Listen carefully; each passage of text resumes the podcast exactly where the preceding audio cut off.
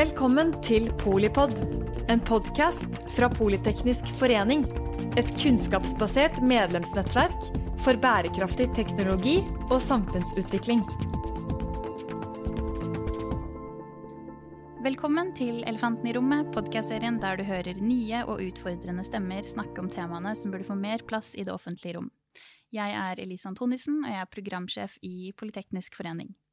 I dag skal vi snakke om atomkraft og atomsikkerhet. Det snakkes jo veldig lite om kjernekraft som satsingsområde i Norge, men mange mener det er en redning på klimakrisen. Det store spørsmålet er jo egentlig gir satsing på atomkraft mer atop, atomvåpenspredning? Frykten for atomvåpenopprustning er høyere enn på mange år pga. situasjonen i verden, og denne uka så møtes mange av verdens stater i Wien for å diskutere de humanitære konsekvensene av atomvåpen. I dag så har jeg med meg Mathias Meyer, medlem av Klimavenner for kjernekraft. Han studerer samfunnsøkonomisk analyse ved UiO. Han er folkevalgt for Høyre bydel Bjerke og styremedlem i PF Next, som er vårt studentnettverk. Så har vi Filip Bedos-Ulvin. Han er utenriksjournalist i NRK med mastergrad i internasjonal sikkerhet fra Sciences Po. Mathias, du sitter jo i studentstyret vårt og er medlem av Klimavenner for kjernekraft. Hvilket sluttresultat ønsker dere å oppnå med det arbeidet Klimavenner for kjernekraft gjør? Ja, først vil jeg bare si tusen takk for å være invitert der, og uh, gleder meg til å dypdykke inn i temaet. På spørsmålet hva vi i Klimavenner for kjernekraft kjemper for, så uh, vi er en ganske ny organisasjon. Vi er snart uh, to år. Og vi ble startet først for å øke kunnskapen i Norge rundt uh, kjernekraft. Det er veldig mange myter som florerer. Um, og vi ønsker på at vi nettopp skal øke samtaler rundt å diskutere kjernekraft, om det kan være en del av uh, klimaløsningen, hvordan vi kan bidra til et uh, grønnere samfunn. Og da er det mange som kanskje er skeptiske, og det er også mange som syns det er et interessant tema, som ser på det. Vi ser selv at unge folk er veldig nysgjerrige på temaet, og en del ungdomspartier snakker mye om kjernekraft i positivt, om å um, se på det. Uh, så for vår del så tenker vi at Norge både kan bidra uh, internasjonalt med forskning på kjernekraft, men også i Norge at uh, nå diskuterer vi jo um, hvilke energikilder vi skal bygge mer av. Det er sånn at Statkraft estimerer at vi vil trenge 80 terawatt mer hvis vi skal klare å elektrifisere Norge. Eh, i tillegg til eh, økt eh, konsum. Det vil si at vi må velge løsninger. Mange i Norge er skeptiske til vindkraft. Vi prøver jo å gå, være mindre avhengig av oljen. Og ja, da tror vi at kjernekraft kan være en, en del av løsningen. Og Filip, du er jo journalist i NRK og publiserte nylig artikkelen 'Venter opprustning av atomvåpen for første gang på 35 år', hvor du henviser til en rapport om utviklingstrenden for atomvåpen. Hva sier rapporten, og hvor er vi egentlig på vei? Uh, ja, eh, først og fremst også takke for at eh, jeg kunne komme her. Uh, uh, og ja, denne rapporten den kommer da fra det svenske fredsforskningsinstituttet SIPRI. Og, og, den sier at vi venter at opprustning av atomvåpen for første gang på 35 år. Um, og den beskriver uh, situasjonen for ganske mange land. Uh, alle landene som da har atomvåpen, eller kan komme til å få atomvåpen. Og da, da uh, identifiserer den kanskje den største risikoen, eh, som er at nedrustningsavtalene mellom USA og Russland, som har helt klart flest atomvåpen, de ser ut til å ikke bli fornya Eh, etter 2026. Um, ehm, så det, etter den datoen så er det sannsynlig at uh, uh, USA og Russland vil bygge ut uh, arsenalene sine. og så ser den på f.eks. Kina, som nå bygger, ser ut til å bygge ut ganske mye sitt arsenal fra ca. 300 eh, våpen til rundt 600, eh, avhengig av forskjellige avslag, anslag. Eh, og så ser den f.eks. på Nord-Korea som bygger ut, og britene som vil bygge ut med 40 eh, Pakistan og India vil bygge ut. Eh, og Iran kan komme også til å få atomvåpen. Så det, den tegner et ganske dystert bilde. eh, hvor vi igjen har høye spenninger og mye atomvåpen. Det er jo um, en veldig stor forskjell på atomsikkerhet og atomkraft og atomvåpenproduksjon. Men det er jo også en sammenheng der. Hva er det som er rent teknisk sett hovedforskjellen på atomkraft og atomvåpen? Hovedforskjellen eh, på atomkraft og atomvåpen er at eh, atomkraft er en kontrollert eh, bruk av fisjon, eller at man, at, man, splitter atomet. mens atomvåpen prøver å få en mest mulig intens eksplosjon ut av, av den prosessen. Um, så for å, for å, splitte atomet, uh, så må man ha uh, enkelte elementer som forekommer i naturen, uh, eller som kan fremstilles. så det, det, blir da hovedsakelig enten uran eller plutonium.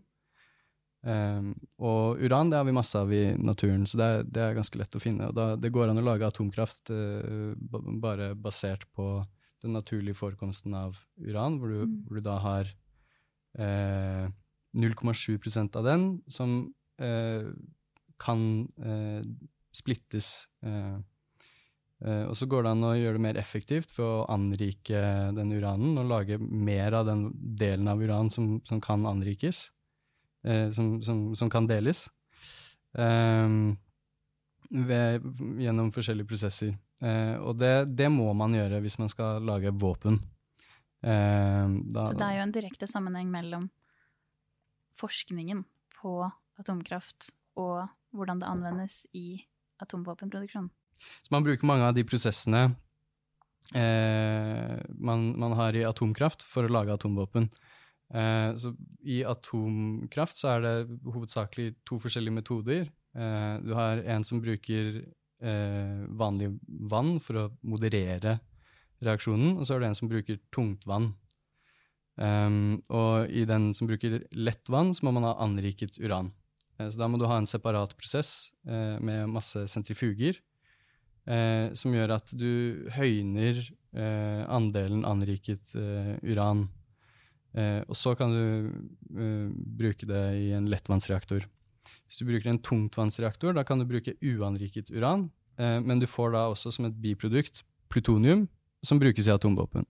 Så de to prosessene de, de eh, eh, gjør at man kan produsere atomvåpen. Mm. Eh, og det er det, det man ser i eh, land hvor man har frykt for at de skal utvikle atomvåpen, så har de store fasiliteter hvor de enten anriker uran, eller de har tungvannsreaktorer som eh, produserer plutonium. Mm. I Norge så har vi jo to kjernekraftverk, så vidt jeg vet. Et i Halden og et på Kjeller ved Lillestrøm.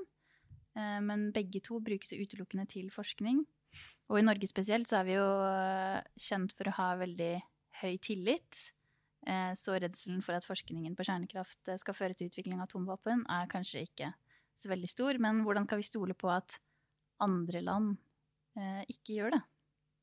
Først vil jeg bare si eh, litt rundt det du sa i stad. Eh, for du nevner jo eh, denne rapporten, da, og du nevner jo Nato-land, og, ser på det som uheldig at uh, de ikke nedruster. Uh, og det vil jeg si at vi, vi, bør kanskje være litt forsiktige nå i en tid med krig i Ukraina, med hvor Russland truer med krig mot flere Nato-land, og Ukraina ga jo bort sine atomvåpen i 1994 under det man kaller Budapest-memorandumet, hvor de ga fra sine atomvåpen etter eh, Sovjetunionens fall, i, eh, med en avtale hvor Russland og USA skulle sikre at um, Ukraina sin suverenitet ble respektert. Uh, og senere så er vi jo den krigen vi er i nå, Ukraina. Uh, så for meg forteller det at at løsningen for å sikre nedrustning, det må handle om internasjonale avtaler. Det må handle om samarbeid. Og for små land hvis de skal ha en, en, sjanse for å på en måte overleve mot de store, skumle haiene som er i, i verden, så trenger man at vi nettopp kan gi det alternativ, f.eks. Nato, EU, sikkerhetsavtaler hvor man nettopp eh, passer på hverandre. Og eh, jeg tror løsningen må starte på der, enn å på en måte starte med å fjerne atomvåpen i seg selv. Da på en måte starter du feil ende av problemet. Det andre jeg vil si, er jo Du nevner jo eh, måter å få atomvåpen på. Og intuitivt så man kan, kan, man kanskje tenke at det er en sammenheng mellom atomvåpen og kjernekraft. Det ligger jo kanskje litt i jordet. Men historisk har det faktisk vært ingen sammenheng mellom de to. For det er faktisk uh, ingen land som har gått fra først ha sivil kjernekraft for energi, til å så få våpen. Men det er flere land som har uh, fått atomvåpen på egen hånd. Og så kan man lure på hvorfor er det slikt, og da har folk ulike forklaringer. Og uh, en forklaring er at for å få atomvåpen, så er det jo sånn som du nevnte, flere måter å gjøre det på. Og den, mest, den vanskeligste måten å gjøre det på, det er å gjøre det gjennom uh, sivil kjernekraft. Mens uh, de, le, de, lettere måtene å gjøre det på, er at du, har, uh, at du anriker det gjennom Ja, det er ulike metoder å gjøre det på. Men da kan du Med en gang du har et sivilt kjernekraftprogram, så, så, annonserer du for verden hvilke muligheter du har. Er, disse reaktorene er jo ofte åpenbare å se, hvor du ser disse kjøletårnene. Mens eh, hvis du skal prøve å få atomvåpen i hemmelighold, så kan du nettopp prøve å gjemme disse maskinene. Eh, så, så, historisk har det ikke vært noen sammenheng der. Og man ser også sånn som Nord- og Sør-Korea. Nord-Korea har atomvåpen, men de har ikke kjernekraftenergi. Mens eh, Sør-Korea er motsatt. De har kjernekraftenergi, men ikke atomvåpen. Sånn at uh, at uh, uh, ja, så, så, selv om kanskje mange tenker at, at, det er en sammenheng der, så, så historisk så vil det være en, en, myte. Og eh, jeg tror vi heller må satse på, på internasjonal avtaler for sikkerhet, gjøre at små land, sånn som, eh, sånn som Ukraina kanskje er geopolitisk mot Russland, nettopp kan, ikke må være avhengig av, eh, av på en måte atomvåpen, men at vi heller kan skape en tryggere verden gjennom sikkerhetsavtaler og, og passe på hverandre. Uh, ja, den, nå, nå, skal ikke jeg uttale meg om eh, det er eh, eh bra eh, for enkelte land å ha eh, atomvåpen for, for, sikkerheten deres eller ikke, men faktumet er jo at det er, det er ganske stor enighet om at det er et problem at vi får flere atomvåpen i verden, og det er, det er fordi det er en stor risiko for at uh, de kan detoneres ved uhell eller brukes ved eh, feil kommunikasjon eh, eh, osv. Og, og det er nettopp derfor bl.a. USA og Russland inngikk nedrustningsavtaler på slutten av 80-tallet. Eh, så det, det, det, er viktig å få med seg, da. når det kommer til forholdet mellom atomkraft og atomvåpen, så er det jo klart at det er mange land som har uh, utviklet uh, sivil atomkraft og ikke utviklet våpen, og så er det mange som uh, har utviklet atomvåpen uten å nødvendigvis bruke anleggene deres til atomkraft. men grunnen til at det, er viktig å følge med på det forholdet, er at land som sier at de utvikler atomkraft, som f.eks. Iran i, i dag, de, de, har også muligheten til å ganske fort eh, da utvikle våpen i løpet av i hvert fall et par år. Eh, fra start til slutt, når de først har de anleggene på plass. Um, så det, det, det, er, eh, det, er også viktig å få med seg. Og så er det eh, selvfølgelig eh, De fleste land underkaster seg det internasjonale atomkrafttilsynets eh, eh, regler. Og, og, de lar observatører komme og forsikre seg om at det nettopp ikke skjer.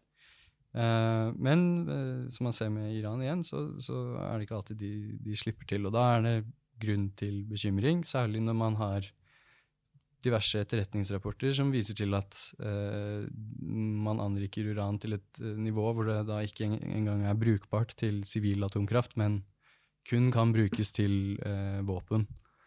Um, så, jeg, så, jeg, tror uh, det, er, det, er, det, er, helt klart viktig å få med seg den, den sammenhengen. Mathias? Ja. Uh, nå svarte jeg kanskje ikke på spørsmålet du stilte meg først. Og uh, du nevnte det med, med forskning. Og uh, jeg vil kanskje si Du kan jo se på f.eks. vaksiner. At vi forsker på sykdommer for å videre kunne forske på vaksiner og nettopp vaksinere oss, da, altså med, med koronasituasjonen som har vært nå.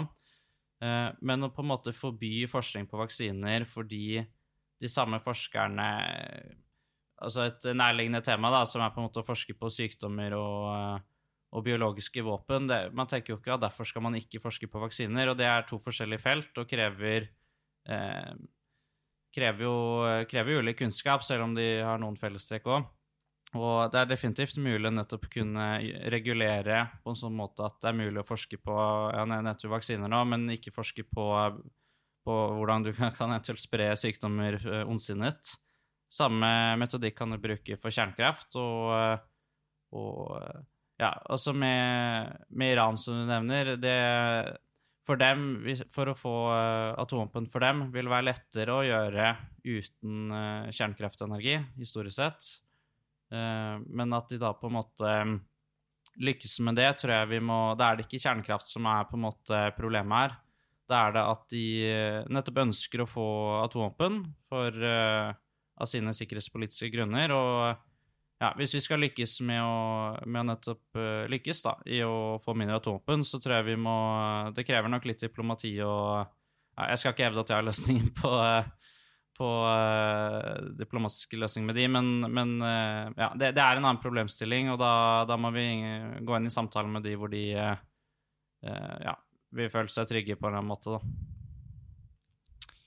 Da er man jo tilbake på tillit, egentlig om de avtalene og vilkårene som er på internasjonale samarbeid og standarder, om man kan lene seg tilbake på, på det. Vi har jo egentlig sett da, nå eh, det siste året at man ikke kan stole på internasjonale avtaler. Så Ja.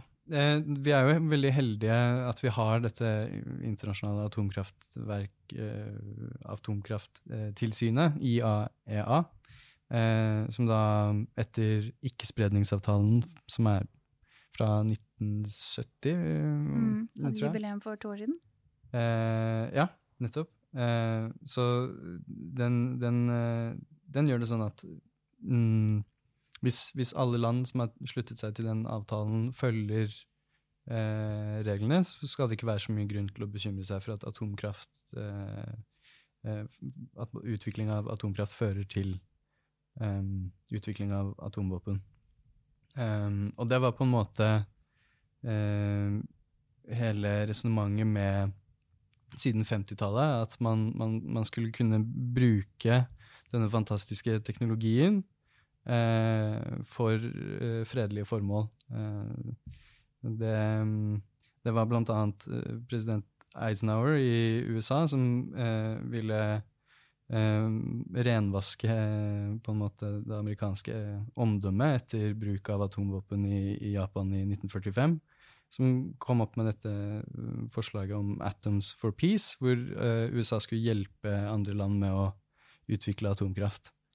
Um, så det, det, er egentlig en uh, uh, ja, en veldig bra ting at vi har på plass. Ja, Apropos fred, så er det jo Hvis vi bare ser på um, med Tyskland og Ukraina nå, så er det jo Tyskland la jo ned halvparten av sin kjernekraft um, i fjor, og så skal de legge ned siste halvparten i år. Og uh, de har nok mye av skylden i både strømprisen som har vært i Europa nå, men kanskje enda viktigere at Tyskland er så avhengig av russisk gass. Hvor uh, russerne da gjennom mange år har på en måte De tjener seg søkkrike på å selge selge gass til Europa. Det er jo sånn de finansierer krigen i Ukraina. Det er enorme summer de tjener hver dag på, på den gassen. Og selv om vi sanksjonerer Russland, så sanksjonerer vi ikke gassen. Vi, eh, den fortsetter å kjøpes. Flere land i Europa kjøper den nå i rubel, som var en diskusjon. Og eh, ja, Hvis vi nettopp hadde ikke lagt ned kjernekraft, men kanskje heller bygget mer, så hadde vi jo ikke trengt å, å importere den gassen fra Russland. Da hadde vi kuttet en av på en måte, hovedinntektskildene eh, til Russland, som er på en måte sånn de unngår sanksjonene. Og, og både gjort det vanskelig for Russland å finansiere sin krig, men også gjøre at Europa kunne vært mer modig mot Russland, nettopp fordi man ikke er så avhengig av russisk gass, at ikke russerne kan true med vi kan skru av varmen i hjemmet deres over natten hvis dere ikke gjør som vi sier. Det er et maktmiddel Putin nettopp kan bruke mot, uh, mot Europa. Uh, så her ser vi på en måte det at vi ikke har bygget kjernekraft, har, gjort oss veldig avhengig av, uh, av diktaturer og altså mye av Norge har jo sin olje- og gassproduksjon, men du har jo liksom Det er flere diktaturer i verden da, som eksporterer veldig mye olje og gass. og vi har gjort oss veldig avhengig av det ved å ikke bygge kjernekraft. Mens du ser sånn som eh, Frankrike, et land du um, har studert i, de bestemte seg nettopp for å ikke være avhengig av olje og gass under um, oljekrisen på, ja, rundt ved 70-tallet. Og da bygde de uh, Da gikk de fra 8% kjernekraft til 80% på rundt ti år. Um, og det viser nettopp at uh, kjernekraft er en av de kildene du kan bygge kjappest for å elektrifisere Altså, jeg mener um, For å gjøre energisektoren grønn. Og Frankrike er jo nå et av de landene som har uh, grønnere energisektor i verden. Uh, så det viser på en måte både hvor kjapt det kan være løsning for klimakrisen, men også gjøre at land kan være mer uavhengige og autonome da, i sin utenrikspolitikk og, og, kan tørre da, å stå opp mot grusomme regimer. Mm. Det er absolutt en veldig viktig del av uh, saken. At det, atomkraft på en måte det minsker avhengighet av en energikilder. Det, det, er klart, men samtidig kan du jo også peke på at Eh, det at du får mindre avhengighet eh, av handel eh, mellom land, det kan også øke risikoen for konflikt i enkelte tilfeller. og så skal man ikke glemme at at atomkraft avhenger også av en naturressurs som ikke forekommer likt i alle land, nemlig uran, som forekommer i store mengder bl.a. i Kina, som er et land mange vestlige land ikke har så lyst til å gjøre seg avhengig av. Um, og så, ja, så det, det, det, er, det, er, på en måte Du kan snu det argumentet også andre veien litt. Jeg vil bare si kjapt at uh, vi, uh, uran er noe du kan kjøpe fra, fra Kina litt pga. pris, men det er ikke slik at du bare kan få det der. Uh, så, så det, det, er noe vi har veldig store forekomster av i Europa. Og blant i Norge så har vi jo veldig mye thorium ved, ved, Telemark, hvor noen snakker om at det er kanskje et av de største reservene i verden. Slik at Ja, men du snakker med, med handel mellom land. Nå er det jo ja, et, vi, vi, har jo den handelen med kanskje en del diktaturer da, som eksporterer olje og gass, og, så akkurat der kunne jeg nok vært med på å frikoble oss litt fra, fra den handelen da, og ikke vært så avhengig. Men, øh, men jeg, jeg, tror nok at hvis vi nettopp hadde satset på grønne løsninger, så kunne vi øh, Altså, det er, jo, det er jo et av løsningene for klimakrisen, og at um, FN sier jo i sin klimarapport at de, eh, når de har laget disse modellene, da, så er det ingen modeller som uh, tilsier at det er mulig å løse klimakrisen uten kjernekraft. Det betyr at uh, selv om man skulle satse på andre energikilder, så er ikke det nok, viser de beste og klokeste klimaforskerne i verden. I tillegg ser de på kjernekraft som en, en veldig god løsning. Sånn at uh, når land legger ned kjernekraft, så, og, man, og, hvis man ikke bygger nye kjernekraft eventuelt andre steder, så, så, så, ja, vil det være urealistisk å løse klimakrisen. Men uh, nå er det gjennomsnittlig tar det syv år å bygge et kjernekraftverk. Det vil si at uh, hvis vi satser på det nå, så kan vi fint klare å, å, å kutte utslipp fram mot 2030 og ja, i kombinasjon med elektrifisering både av transport og andre sektorer, så, så, er, så ses man på det som en løsning for å, for å, nå det grønne samfunnet.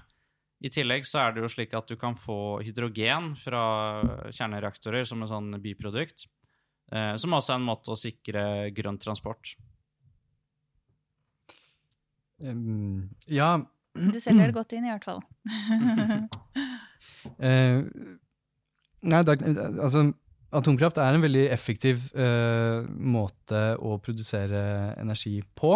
Uh, og det er, det er, også veldig få utslipp knyttet til det. Uh, og det har mange sterke sider. Men så er det jo klart at eh, man, man, må eh, få hele bildet med at det er enkelte risikoer knyttet til bruk av atomkraft. blant annet da eh, risikoen for at du får veldig store uhell, eh, hvor du får spredning av eh, radioaktivitet eh, over veldig store distanser. Eh, og det er, det er et, Når du først får et uhell, så er det veldig vanskelig å reversere, da. Å, å reversere og, og, rydde opp i på en forsvarlig måte. Eh, så det, det, er en risiko. Og så eh, Når man ser på det i den norske konteksten, så kan man jo huske mm, bare hvor mye motstand eh, enkelte havvindprosjekter f.eks. eller vindturbinprosjekter har eh, forårsaket. Og når det er snakk om da å bygge atomreaktorer eh, i, i, nærheten av et eller annet samfunn, så er det også å forvente at det kan ta veldig lang tid. Eh, og det kan, det kan, gjøre at det tar mye lengre tid å bygge ut, fordi i Norge så har vi jo veldig grundige prosesser med nettopp å, å, eh, å, å få lov til å bygge eh, hva enn det måtte være. Eh, så, så eh, det er også viktig. Og så har du et eh, siste, men ganske viktig problem. Det er jo at atomkraft det skaper en del avfall som er utrolig vanskelig å kvitte seg med. nok en gang på en forsvarlig måte, i hvert fall. Det var en ganske lang tid hvor vi bare dumpa eh, det ut i havet. Men eh, nå har vi funnet ut at kanskje den beste måten å gjøre det på, er å grave det ned, eh, sånn at eh, framtidige generasjoner eh, må passe på at det, det, ikke slipper ut i tusenvis av år. Um, og det, det, er jo heller ikke en ideell ting å måtte forholde seg til. Da. Så er det en del forskning på det, og det kan se ut til at eh, det er måter f.eks. resirkulere avfall fra atomkraft eh, eh, At det, det, er mulig. Men, eh, men, men du, har, du, har, en del problemer knyttet til atomkraft som, kom, som, kommer til å vekke motstand både lokalt og på politisk nivå nasjonalt. Tror dere vi kommer til å se et uh, generasjonsskifte i Norge i tiden fremover? Ja, Det er jo eh, det er interessant, da, fordi um, vi ser at særlig unge folk er veldig positive til kjernekraft. Vi gjennomførte en spørreundersøkelse hvor vi spurte gjennom Norstat 1015 personer. Og da så vi at uh, hvis du så uh, aldersgruppen 15 til 39 år, så ser man at 47% er for kjernekraft i Norge mens 21 eh, er mot, og 30 vet ikke. Det vil si at det er over dobbelt så mange som er for, som er mot. Uh, ja. Og så ser vi også at uh, veldig mange ungdomspartiene, både på begge sider av politiske spekteret, er, uh, er, positive til kjernekraft. For det er mange partier nå som har positive vedtak. Og um, du nevnte jo um, med sånn vindkraftfolk da, som har vært mot å bygge vindkraft i, um, i Norge. De, eh, det ble faktisk gjennomført en spørreundersøkelse av eh, vindkraftmotstandere på eh, Motvind sin Facebook-gruppe, hvor veldig ma mange mange tusen svarte. Og da var faktisk kjernekraft den mest populære alternativet, med, med god margin, altså. Så, så, her ser det mye interessant. Jeg, jeg, tror særlig kanskje oss unge som ikke vokste opp med, med Tsjernobyl, og, og, kanskje ser alvoret i klimakrisen, har har et helt annet syn på kjernekraft enn det kanskje våre foreldre har hatt. Jeg bare merker sånn som På skolen så føler jeg at liksom, hver gang kjernekraft ble nevnt, så var det liksom bare i negativ kontekst og hvor farlig det er. Men, uh, men senere, når jeg begynte å gå på videregående og begynte å uh, lære litt mer om det, og tok litt fag i fysikk og sånn, så, så fikk jeg et helt annet syn og har blitt veldig positiv til det nå. Og ja, Du nevner jo også litt med ulykker, da, hvis jeg bare skal svare litt på det. Så jeg ville faktisk snudd på det og sett på som eh, kjernekraft som kanskje man, man tenker jo ofte at uh, intuitivt da, så er det mange som tenker at liksom ulykkene uh, har vært veldig katastrofale, da, og, og er redde for konsekvensen hvis noe går galt. Men da ville jeg faktisk snudd på det litt, fordi vi har jo forsket mye på Tsjernobyl og Fukushima, og blant mye norske forskere har vært med, hvor, og Verdens helseorganisasjon, hvor man har, sett, man har funnet under 100 dødsfall i, ved Tsjernobyl, hvis du ser på både under- og også ettervirkninger på, av folk som har dødd av kreft. Uh, og i Fukushima så er det ingen som uh, har dødd som følge av, um, av, kreft. Men hvis du sammenligner disse tallene med Hvis du tar andre energikilder, da, f.eks. vannkraft, da var det en vanndemning som sprakk i Kina. Da døde 200 000 estimert. Og, men alle disse tallene blir mikroskopiske hvis vi sammenligner med olje og gass, hvor man antar at rundt 8 millioner dør hvert eneste år som følge av forurensning.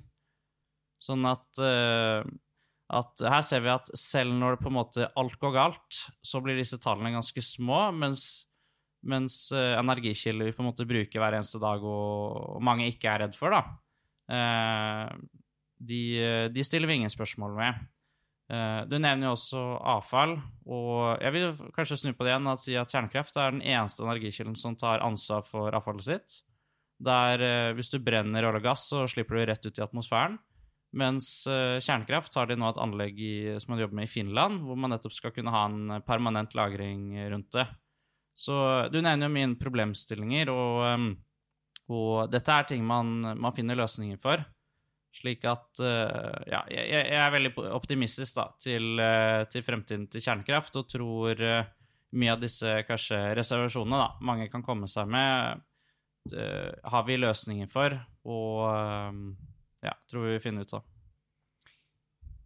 Ja, når det kommer til da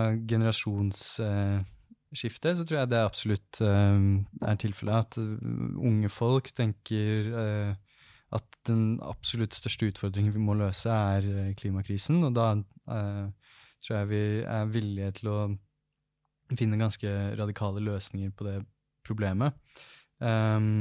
Og så er det jo verdt å nevne at det er veldig lenge siden vi har sett eh, f.eks. Eh, en atomulykke i eh, Europa, eh, 1986 med Tsjernobyl.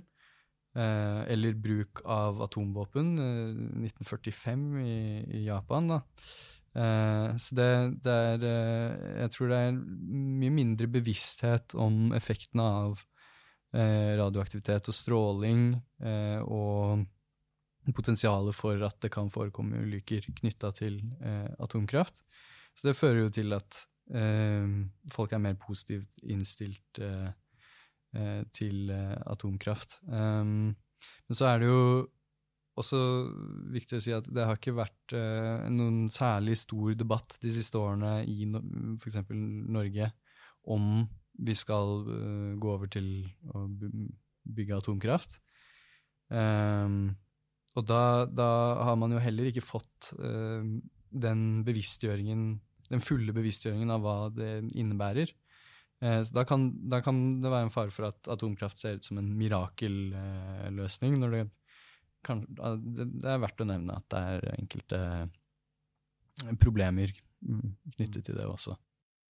Det er veldig mye spennende som skjer innen forskningen på atomkraft. Um, og det er annet knyttet til det Mathias refererte til. Blant annet at du kan lage veldig små atomreaktorer som uh, er veldig lette å eksportere. og eh, sette i bruk. Det tar ganske kort tid, egentlig. Eh, eh, det man kaller eh, Small Modular Reactors, SMR. Eh, og der er det en del land som